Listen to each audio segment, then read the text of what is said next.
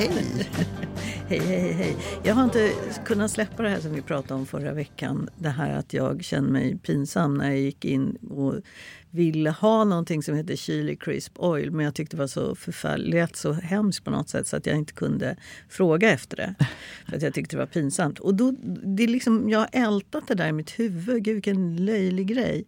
Och då tänker jag, om jag ska liksom backa bandet lite så är det så här. Om man är som jag, jag är författare. Jag sitter hemma väldigt mycket ensam. Mm. Man sitter där och håller på. Och man blir Liksom, jag tänkte på det när coviden kom, att liksom folk var så här, Åh, Gud, man blir helt konstig av och beskrev det här förfärliga tillståndet av att sitta ensam hemma och hur konstig man blir. Och jag bara tänkte att ni beskriver min vardag. Ehm, men då är det, det som händer det är att man, blir ju, man har ju blicken på sig själv men man har också blicken Eftersom man skriver så har man också blicken på liksom symboliska bilder. Till exempel så kan det vara i det lilla. Jag tänker så här. Jag spiller kaffe på golvet. Vad gör jag? Jo, jag tar liksom istället för att gå och hämta disktrasan och böja mig ner och torka upp så tar jag liksom, du vet, man sträcker fram foten och så torkar man med rumpan och så tänker jag, ja, jag är en sån person, jag är lat eller det är någonting. Jag liksom sitt, sätter det genast i någon typ av sammanhang. Mm. Eller att jag eh, till exempel om jag gör en macka och ett kaffe och så ska jag gå, gå med det och sätta mig och liksom mm, macka, kaffe, macka, kaffe, härligt. Men grejen är att jag alltid lyckas äta upp mackan medan jag väntar på att kaffet ska bli klart. Då tänker jag också så här, det här är också en bild av hur jag är. Alltså att jag aldrig kan på något sätt, att jag alltid tar ut saker lite i förskott. Att jag är för, jag kan inte ta vara på stunden. Eller som i morse när jag liksom borstade tänderna och, och hela kavajen blev vitfläckig. Jag bara, jag lär mig aldrig det här. Jag lär mig aldrig att jag ska inte ha på mig sådana saker när jag borstar tänderna. Och sådär. Och det var någonting med den här bilden av att när en kvinna som jag går in i en affär som ICA som är på något sätt så ICA för rika. Alltså, Det är en väldigt tjusig affär. Och i någon sorts eh, fond av hur världen ser ut idag. Och som liksom frågar efter chili crisp oil. Det var någonting med den bilden. Det blev genast en bild. Och jag tänkte på... Alltså bilden av dig själv? Nej, inte så mycket Nej. bilden av mig själv utan bilden av sakernas tillstånd i världen på något sätt. Att, det, att allting är liksom mot en fond av hur allting är hemskt och allting är så fruktansvärt orättvist. Och så går man in och så frågar man efter såna saker. Det var någonting i det som blev för mig så talande och som jag liksom på något sätt har problem att delta i. Fast jag gör det. Jag tänkte på en sån grej för några år sedan så, så var jag ute en nyårsdag med hunden och promenerade ganska tidigt. Och eh, jag bodde då i närheten av Mosebacke torg så jag gick upp där på Mosebacke-terrassen. Och när man tittade över den platsen, det är där alla samlas på nyår, det var bara krossat glas, gamla flaskor, plastglas. Eh, liksom, det var ju, så, såg ut som att det hade varit ett slagfält där. Och så ser jag två mörkhyade män som står liksom och så här, ganska för kallt klädda men de står och sopar undan allt det där. Och jag försöker prata med någon av dem och säga något men jag förstår att de pratar inte svenska. Och jag tittade på den där bilden och så tänkte jag så här, det här är liksom en bild av världen. Det finns de som liksom bara här flödar champagnen. Och så finns det andra som får liksom gå och sopa upp det där. Att det blev en sån tydlig bild. Å andra sidan så började jag, när jag tänkte på den här bilden, så tänkte jag den här bilden visar någonting som är fel med sakernas tillstånd. Hur orättvis den här världen är. Den säger någonting. Men sen började jag tänka så här, om man skulle gå närmare in i den här bilden så kanske det här är två flyktingar som är jätteglada för att de har fått ett arbete. De har någonting att göra. De kan liksom tjäna, in, tjäna pengar på det sättet. De är det liksom, det Du, kanske du sa något att bra. du försökte prata med dem. Ja. Vad hade du velat fråga? Jag sa nej, jag sa bara sådär, oj vad kallt det är. Jag liksom Ah, bara okej. försökte inleda en konversation.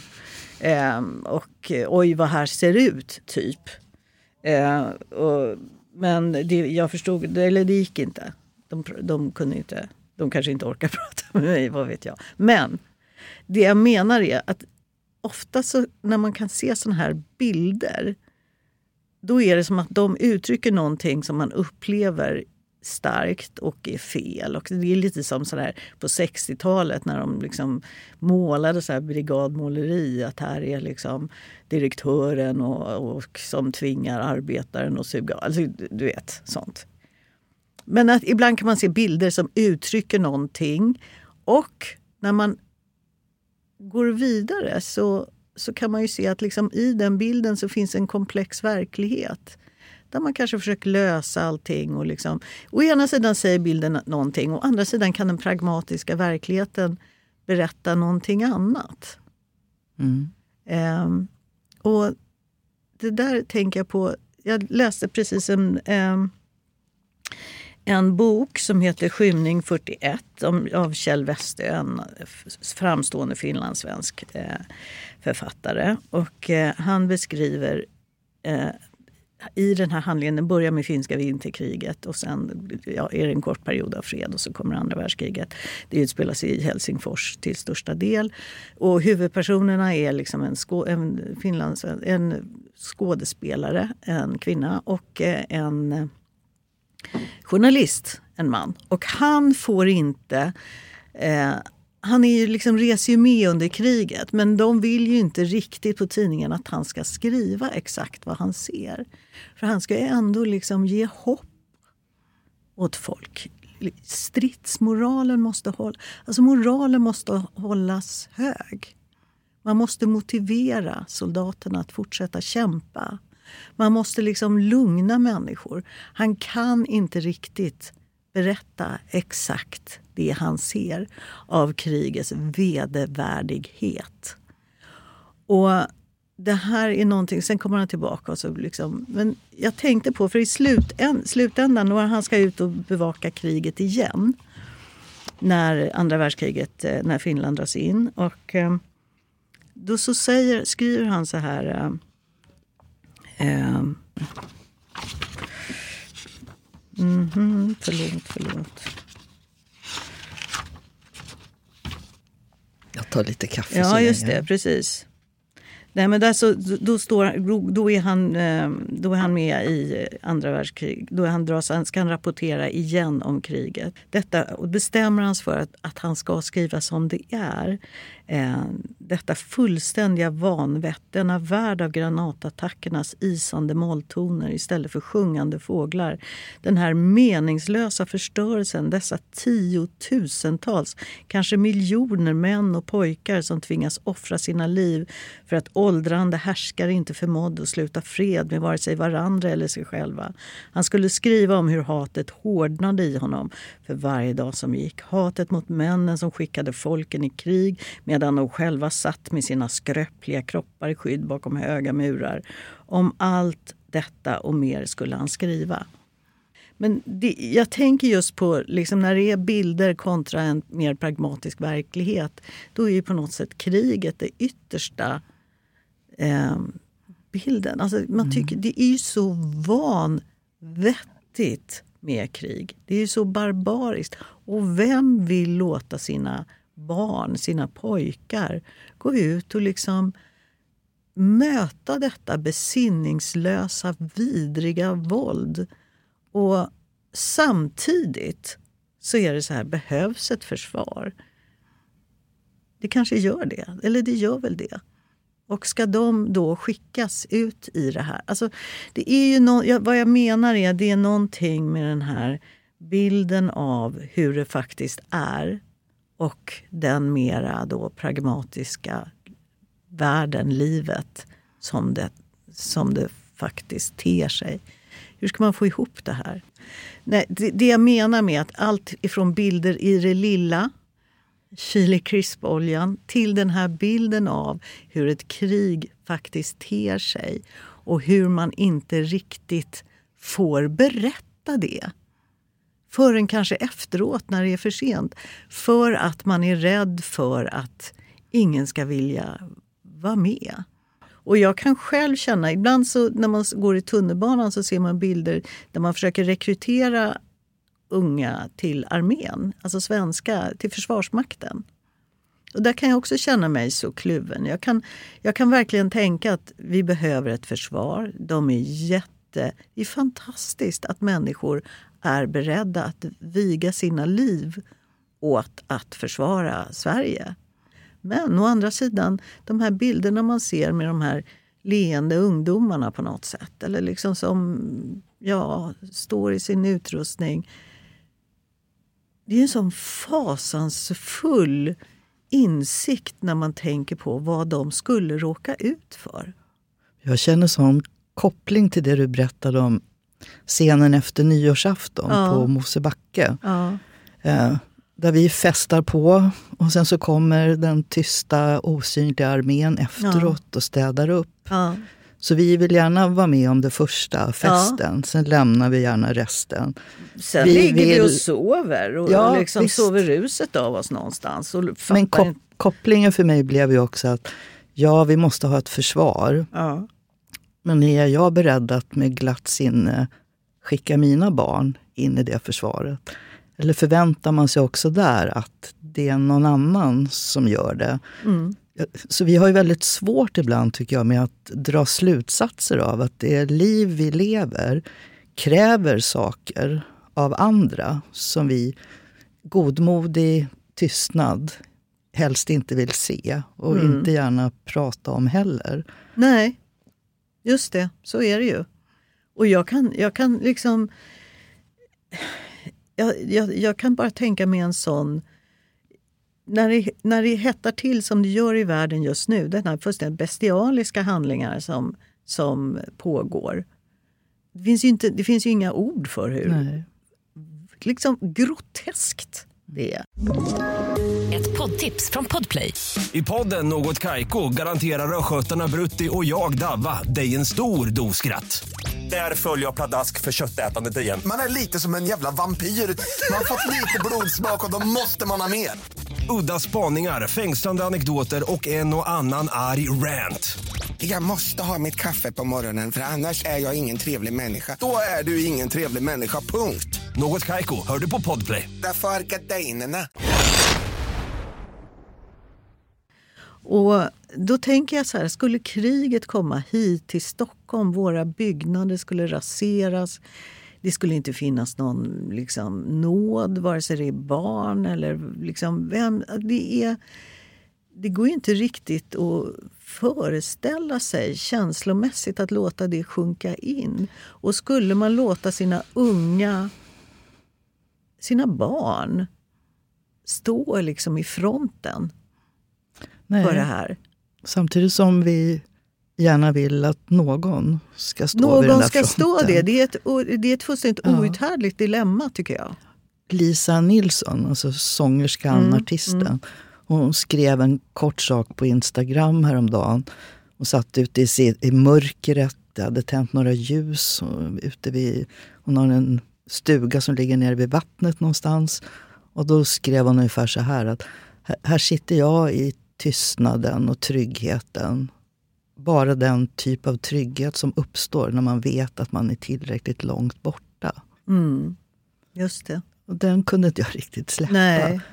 Det, det är någonting sånt. Och vi låtsas väl fortfarande att vi är långt borta. Mm. Att allt fortfarande, trots att så mycket kryper närmare, mm. så har vi ändå bilden av att det är långt borta och därför är vi tryggare. Mm. Och det har vi ju vant oss vid. Ja. Det, är ju liksom, det angår inte oss på riktigt så. Men, men eh, jag tror också att det är någonting att under dessa omständigheter gå omkring och leta efter fåniga matvaror. Det är någonting i det. Jag, jag vet faktiskt inte. Det är ju jätte det är ju patetiskt egentligen att hålla på och oja sig över det. det nej, jo, men det sluta är, säga att du är patetisk. ja, men jag menar det, det är du inte. Ja, nej, men det är någonting i det som är, vad, ja, vad spelar det för roll? Men jag vet inte vad jag ska göra istället. Jag vet faktiskt inte vad jag ska göra istället. Alltså Kjell Westö och andra, det är ju det som ger näring tycker jag åt en känsla av att det går att göra saker, bara man vågar se. Mm. Så du, du gör ju jättemycket, Helena. Mm, det känns inte. Långt mycket mer än letar efter hopplösa chili crisp-saker. Du, du är en del av den svenska berättelsen. Som... jag känner mig jättesvettig. Eh, alltså, för att, nej, men jag menar så här, att vilket ansvar. Nej, men det är ju någonting. Jag tror att man måste hela tiden berätta om att människor, liksom, berätta om det mänskliga, berätta om det mänskliga, berätta om det mänskliga. Mm. Och det är ju det som är fasansfullt i de här tiderna och när man tänker på med vilka krafter man faktiskt eh, börjar kriga och begå så bestialiska våldsdåd som man gör nu. Och eh, att det, det kräver mm. ju att man inte låtsas om det mänskliga. att man inte inte vänjer sig vid kriget och våldet. Att vi ja. liksom vågar fortsätta vara upprörda ja. över varje bild, varje berättelse, varje barn Men jag tycker som det dör. som var intressant med den här boken det var att, att det finns ju någonting i det här att om man tänker sig Finland och finska vinterkriget och Finland blir eh, attackerat och måste försvara sig. Att de här unga männen som ska ut då i denna fruktansvärda kyla utan tillräckligt med mat och sätta liksom dö för, dö för landet. Fruktansvärda dödar. Mm. Och att man, att man då som en reporter, som han var att bara beskriva deras lidande att det var svårt. Mm. Hur ska man hantera sådana saker? Du är ju liksom en politiker, tänker jag, och det är ju någonting som är väldigt bra. Har ju, måste ju ha de här bilderna i huvudet samtidigt som att man måste verka pragmatiskt. Annars är man ju en diktator om man bara följer de här stora bilderna man har målat upp framför sig. Men hur tänker du på det här? Det är en jättestor fråga. Men ja, det här samband, sambandet mellan just en bild, en vision och att ibland kanske man måste gå ifrån den helt och hållet. Ibland kanske man måste säga ja, ni får, det är jättebra jobb för er här. Ni får städa upp efter oss på nyårsdagen. Och det är kanske den bästa lösningen, men hela bilden blir helt fel. Ja, vad säger jag som politiker?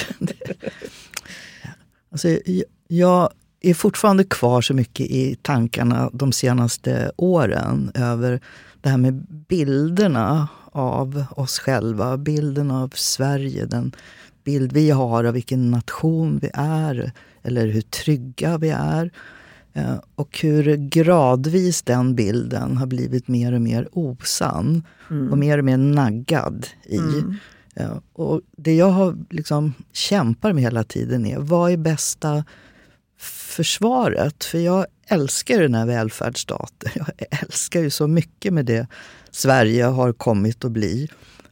Och försvarar jag det bäst genom att inte låtsas som om naggandet finns där. Att fortsätta prata om det där folkhemmet som, som jag fortfarande älskar att de som var före oss verkligen trodde var möjligt. Mm. Men sviker jag det om jag inte vågar säga att det där håller på att krackelera? För när jag säger det så hör jag ju fienderna till folkhemmet som då säger, ja titta där, det här har gått åt helvete. Vad var det vi sa? Det mm. var aldrig menat att lyckas. Och så säger vi då, som många säger hela tiden nu, ja vi har väl varit naiva. Så, äh, nej, det är inte det som är, är problemet. Den här bilden av Sverige, det är så konstigt det här som har börjat dyka upp så mycket. Att det inte stämmer med svenska värderingar och så vidare. Och man undrar, vad är det? Jag kan, ibland kan jag bli irriterad på det där för att jag tänker att herregud, nu är jag faktiskt 64 år. Jag har varit med om Sverige jättelänge. Att jag det som har varit för mig i Sverige, de här, det är liksom någonting annat än det som plötsligt sveper in och påstår sig stå för svenska värderingar. Mm. Och det, det är så... De här, de här så kallade svenska värderingarna, de är väldigt lika värderingar som finns i andra eh, tongångar i andra, i kanske USA eller i USA, i Ungern på olika håll. Det här liksom, nationalismen är ju väldigt likriktad. Den är som ett slags hårdfört McDonalds som ska se likadant ut världen över. Men tycker du att det fin om du, finns det en svensk värdering? Ja, alltså om jag tänker tillbaka på det Sverige som jag har varit stolt över och älskat verkligen. Och i viss mån älskar jag Sverige också fortfarande. Men eh, då är det en typ av, eh, man strävar efter rättvisa. Man har liksom demokratin i huvudet som en typ av alltså strävan efter demokrati. Man har betraktat, jag har alltid betraktat det i det land jag är uppväxt som en typ av naturkraft. Strävan dit, det är det enda... Det, det är så självklart att det ska vara det man liksom, eh, dit man vill. Och att jag har alltid haft en uppfattning om dit vill alla. Mm. Varenda land, alla i hela världen vill dit. Och den uppfattningen är jag inte lika säker på idag. När jag tänker på begrepp som svenska värderingar så dels blir jag ofta irriterad för att jag hör ju hur de som menar annat egentligen pratar om att det är för mycket invandrare här. Mm. De pratar inte tillräckligt bra svenska. De tror på massa konstiga gudar. Mm. Men jag tänker mer på någonting med att vi ofta har levt så nära naturen. Det, det finns någonting med den här lilla vemodet som ofta finns i våra gamla poeterna, sångerna, som ofta handlar om tystnaden, om eh, löven som blåser, eh, hav, eller vattnet, eh, kluckandet, ljuden, djuren.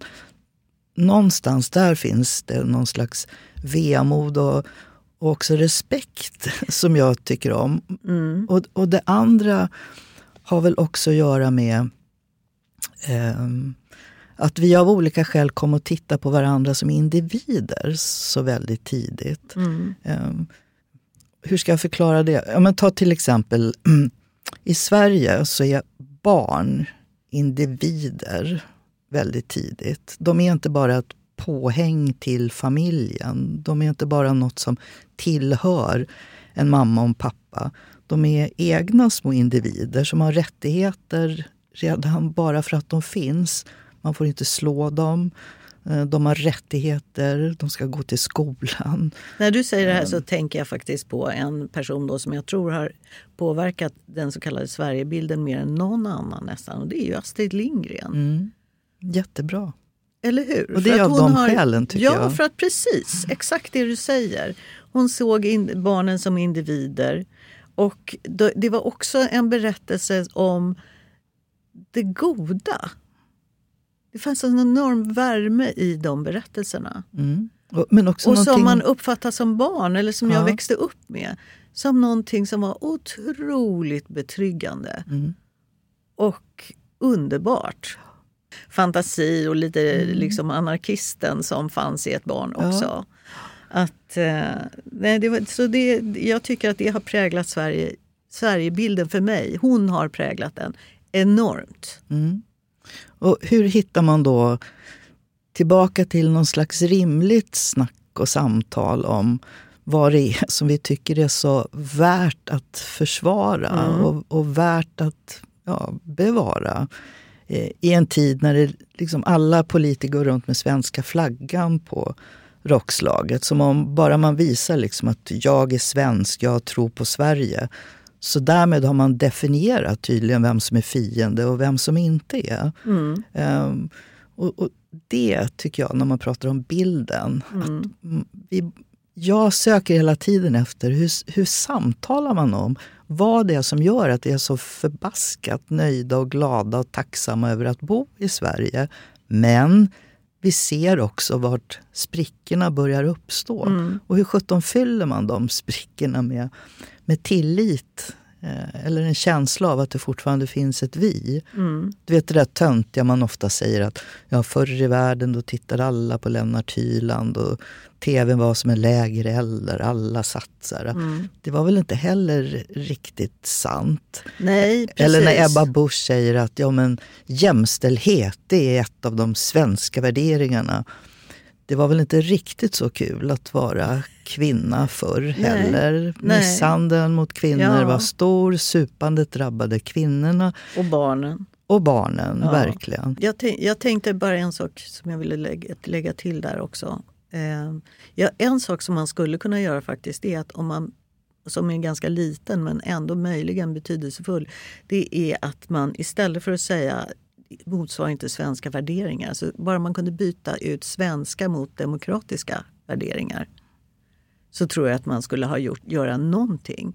Ja, men jag... Att den här personen motsvarar inte demokratiska värderingar. Det här, alltså, för det är det det handlar om.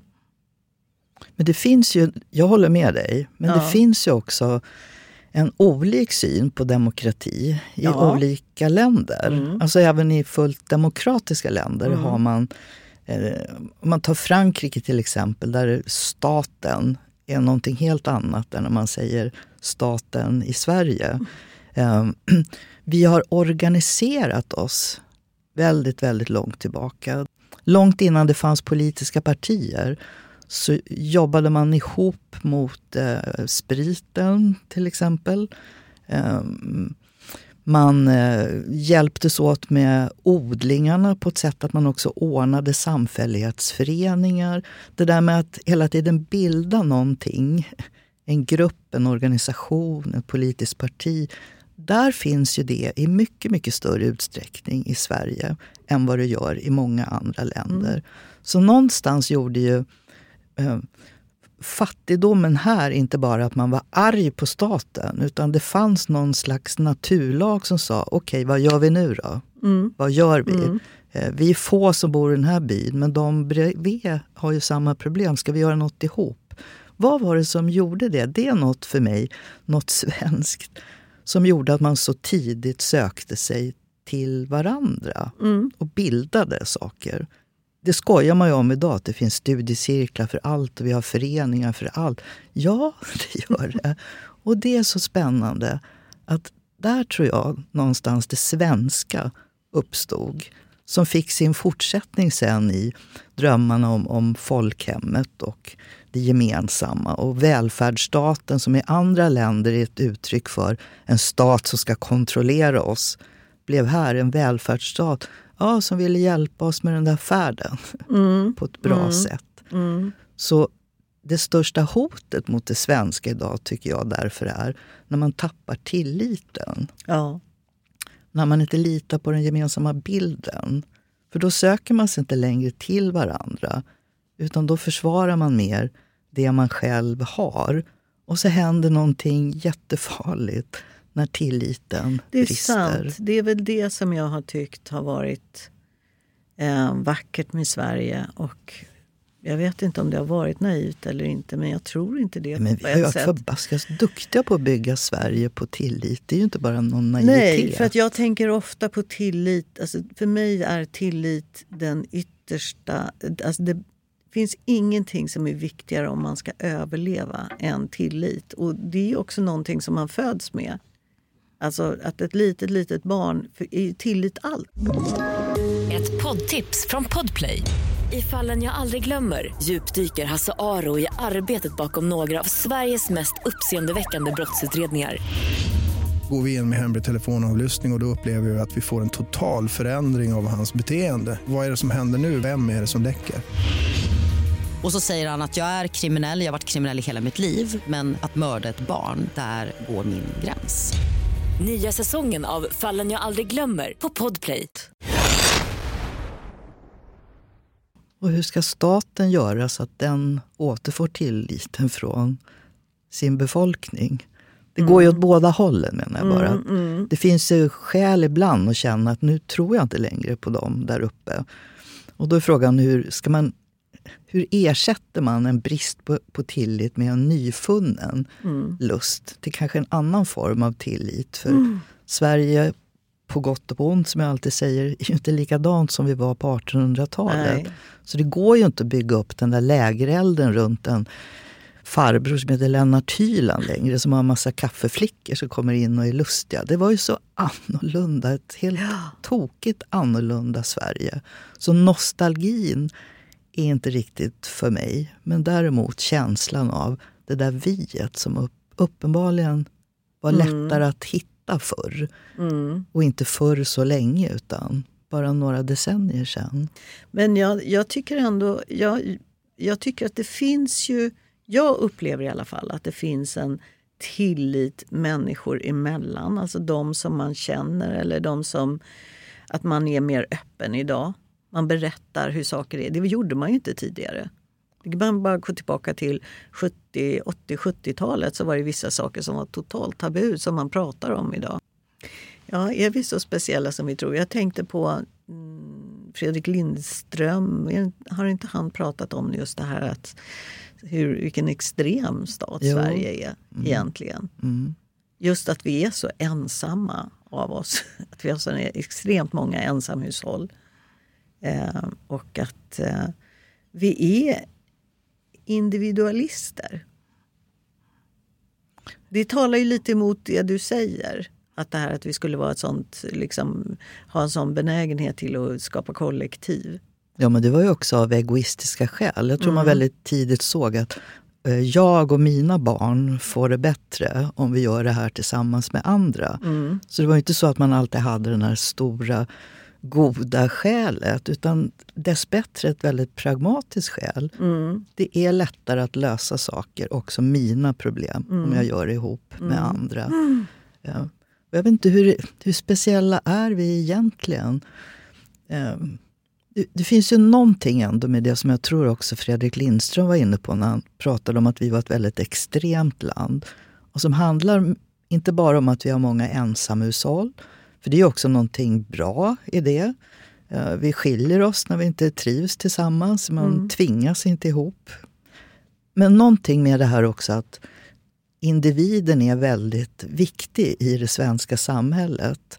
Eh, även om du är gift med någon så ska du ändå få ut pension för att du jobbar även utan lön. Eh, som jag sa, barnen, du kan inte behandla dem som du vill bara för att det är dina barn, för de är egna mm. individer. Vi var väldigt tidiga med rättigheter för homosexuella därför att mm. samhället också vågade säga vi ska inte definiera vad som är kärlek, det är upp till var och en. Det finns ju någonting där som kanske har uppstått ur att det har funnits i grunden en trygghet tillsammans. Att man inte behövde bekymra sig över, har jag råd med sjukhus, har jag råd med skola? För det gjorde välfärdssamhället möjligt för alla. Mm. Så jag tycker det är spännande med Sverige att här finns det en kombination av en extrem tilltro till individen men samtidigt ett enormt bygge som är verkligen är det kollektiva. Att allt går inte att fixa, men det som går att göra tillsammans, det ska vi baske med göra. Mm. Och det är för mig symbolen med föräldraledighet, barnomsorg, barnbidrag. Det kostar inget att gå i skolan och du ska ha sjukvård när du behöver det. Det är för mig den svenska värderingen. Mm det blir, ju, det blir ju alltid en sån här kollision i ansvarsfrågor och där kan man ju känna att möjligen är det så att, att man i Sverige har velat lägga frågan, det är ju baksidan av tilliten, högre upp. Att det är sådär, vad gör ni på dagis? Hur uppfostrar ni barnen egentligen? Eller mm. vad ska ni politiker göra åt det här? Att man har inte riktigt kanske som svensk växt upp till ett eget ansvar som man möjligen har gjort i andra länder. Kan det vara en, en sorts ja. sämre effekt på den här stora tilliten ja. till stat? Kan det vara så att den stora, då i alla fall, stora trygga socialdemokratin väldigt gärna också uttryckte sig som att det var vi som hade ordnat allt. Ja. Eh, att eh, ta det lugnt, lämna problemet åt oss. Vi tar hand om folket, vi bygger välfärden. Ja, fanns det den typen av självbelåtenhet? Det kan man ju tycka ibland. Mm. En väldig självbelåtenhet. Vi har mm. byggt det här landet. Så. Vi bygger landet i gärning och ord.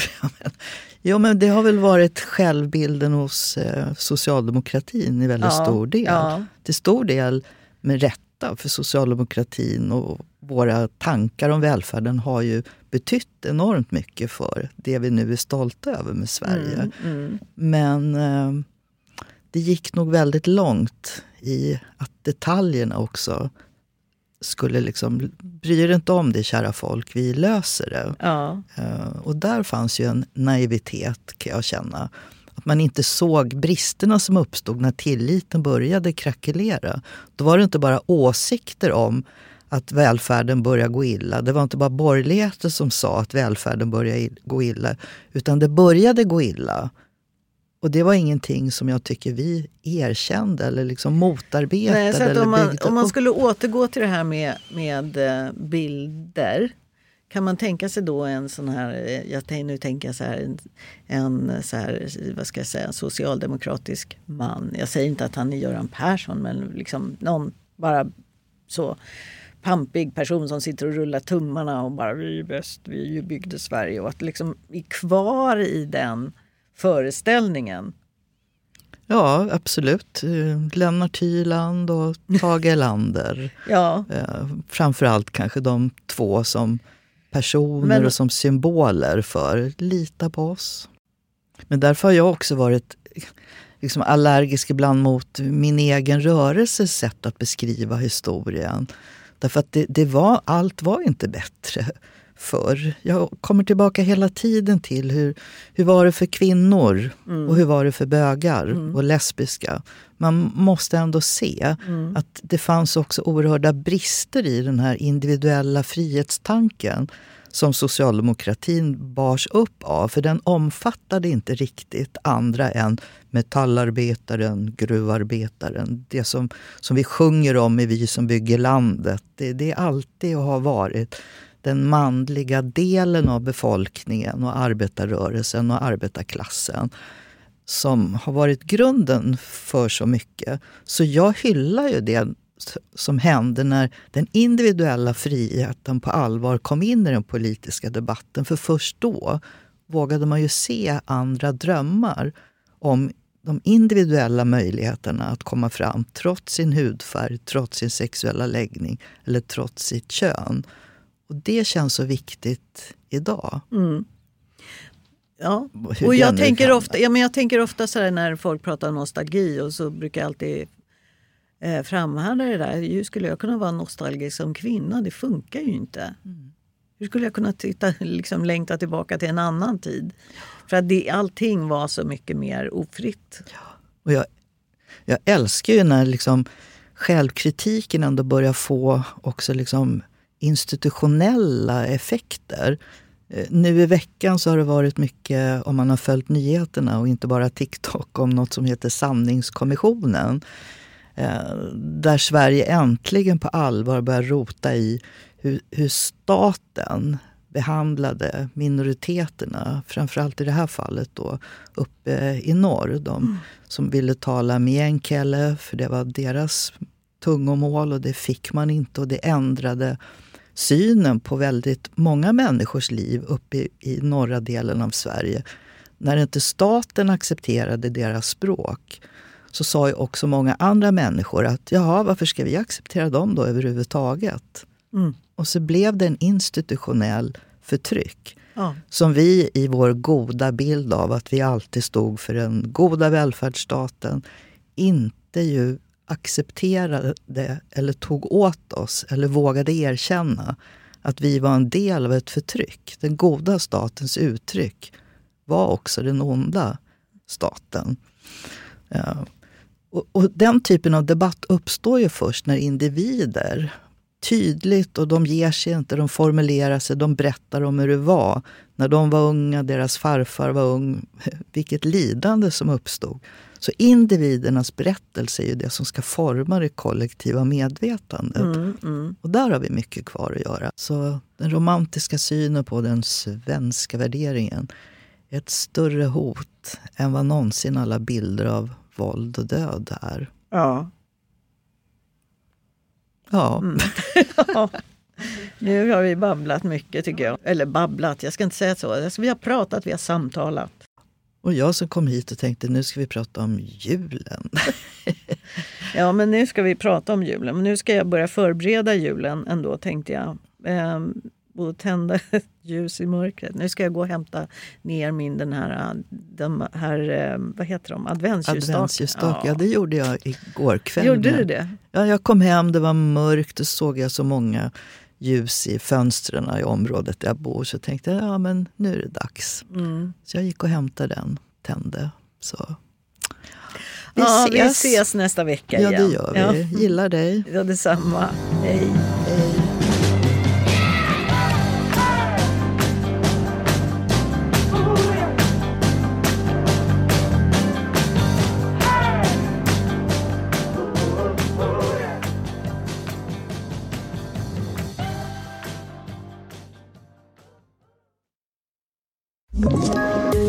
Poddtips från Podplay. I podden Något Kaiko garanterar östgötarna Brutti och jag, Davva, dig en stor dos skratt.